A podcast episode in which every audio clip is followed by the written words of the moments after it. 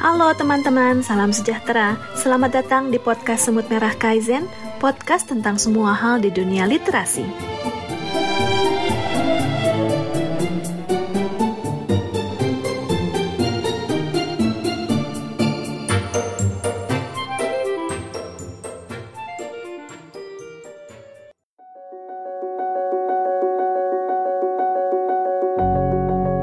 Nama saya Inge Santoso dan saya beragama Buddha. Perjalanan spiritual saya seperti mencari baju yang cocok.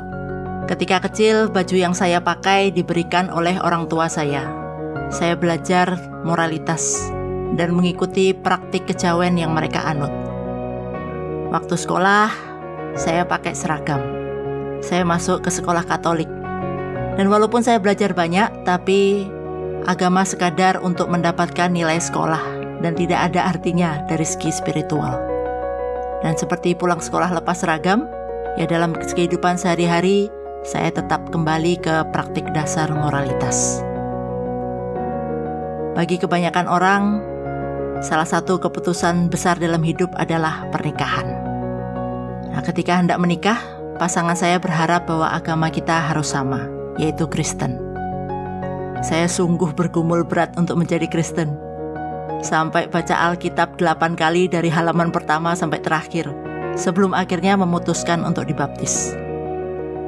Eh, sudah terlanjur jadi Kristen. Gak lama kemudian saya putus dan batal menikah. Tapi udah terlanjur Kristen. Jadi seperti sudah terlanjur pakai baju gaun pernikahan, masa bagus-bagus mau dicopot. Tapi semakin saya mendalami, saya merasa ada yang kurang. Saya lihat teman-teman saya imannya begitu kuat, mereka percaya. Tapi saya merasa semakin saya belajar, justru merasa terkekang. Merasa ini bukan saya, ini bukan untuk saya. Sampai akhirnya suatu hari, ada guru meditasi yang memperkenalkan saya dengan Anicca. Dan ajaran tentang anicca ini bahwa segala sesuatu yang berkondisi tidak kekal itu bagaikan gelang yang saya coba pakai. Dan dalam kehidupan sehari-hari tiap kali saya menghadapi sesuatu saya diingatkan oleh gelang ini bahwa perubahan itu wajar dan kita harus siap menerima perubahan. Ketika saya mulai pakai gelang ini, saya semakin nyaman dengan diri saya. Saya semakin tertarik untuk mencoba baju yang cocok dengan gelang ini. Tapi saya masih ragu melepaskan gaun Kristen saya sampai suatu hari saya pergi ke India bersama teman-teman meditasi. Dan di Kusinara, di mana Sang Buddha Mahaparinibbana, tiba-tiba saya mengalami pengalaman spiritual yang mendalam. Dan di dalam batin seperti ada yang berkata, "Eh, sudah benar tempatmu di sini." Saya tanggalkan semua baju-baju yang lama. Dan akhirnya saya mendapatkan baju yang paling cocok dengan diri saya. Baju yang membuat saya merasa nyaman, merasa lebih baik, dan tidak menghambat saya untuk bergerak dan berkembang. Perjalanan ini masih jauh, tapi paling tidak saya sudah menemukan baju yang paling cocok dengan saya, yaitu Buddha Dhamma.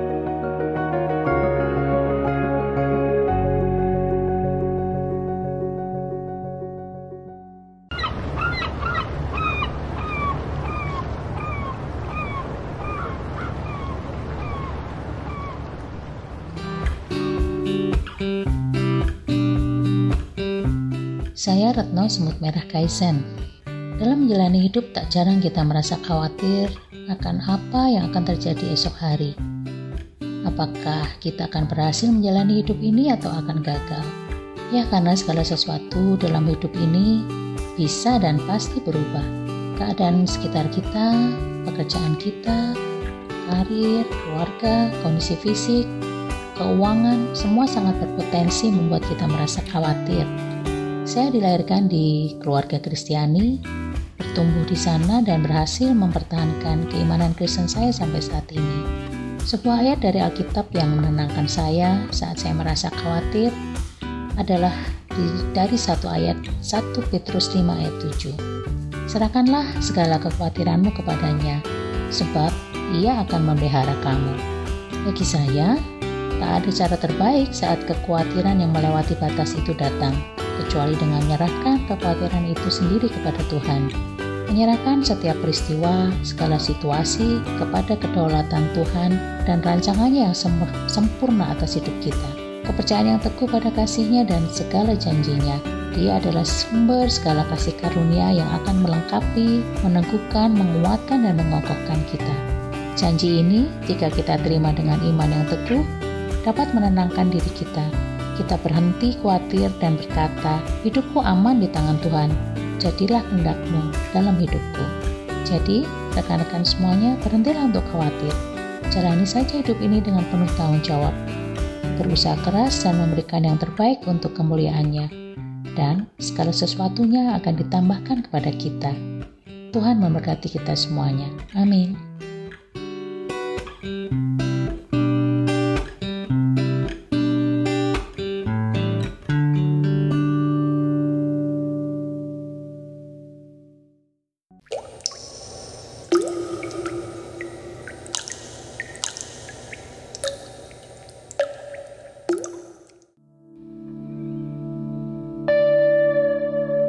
Hai, saya Dita. Saya beragama Islam.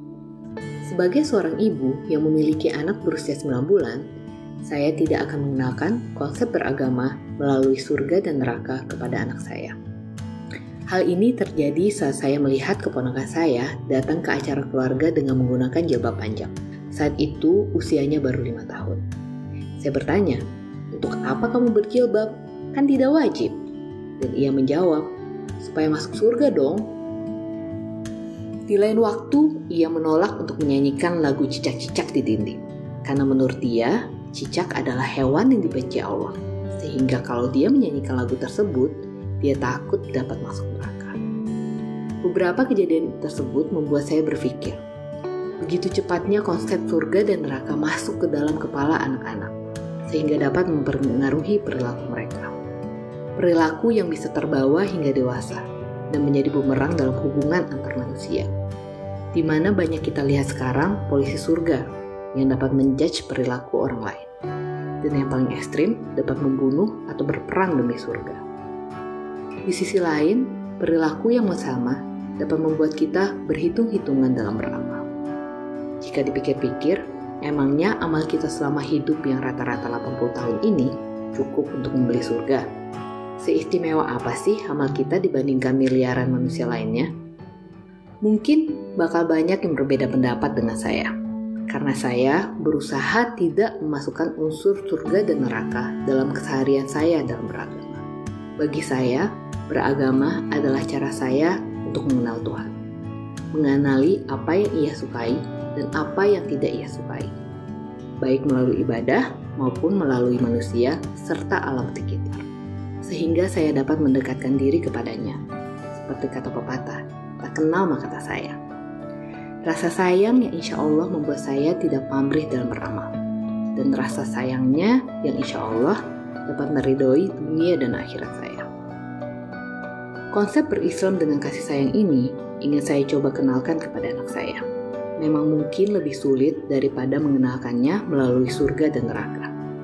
Tapi dalam jangka panjang, saya harap ia dapat lebih berbahagia dalam beragama.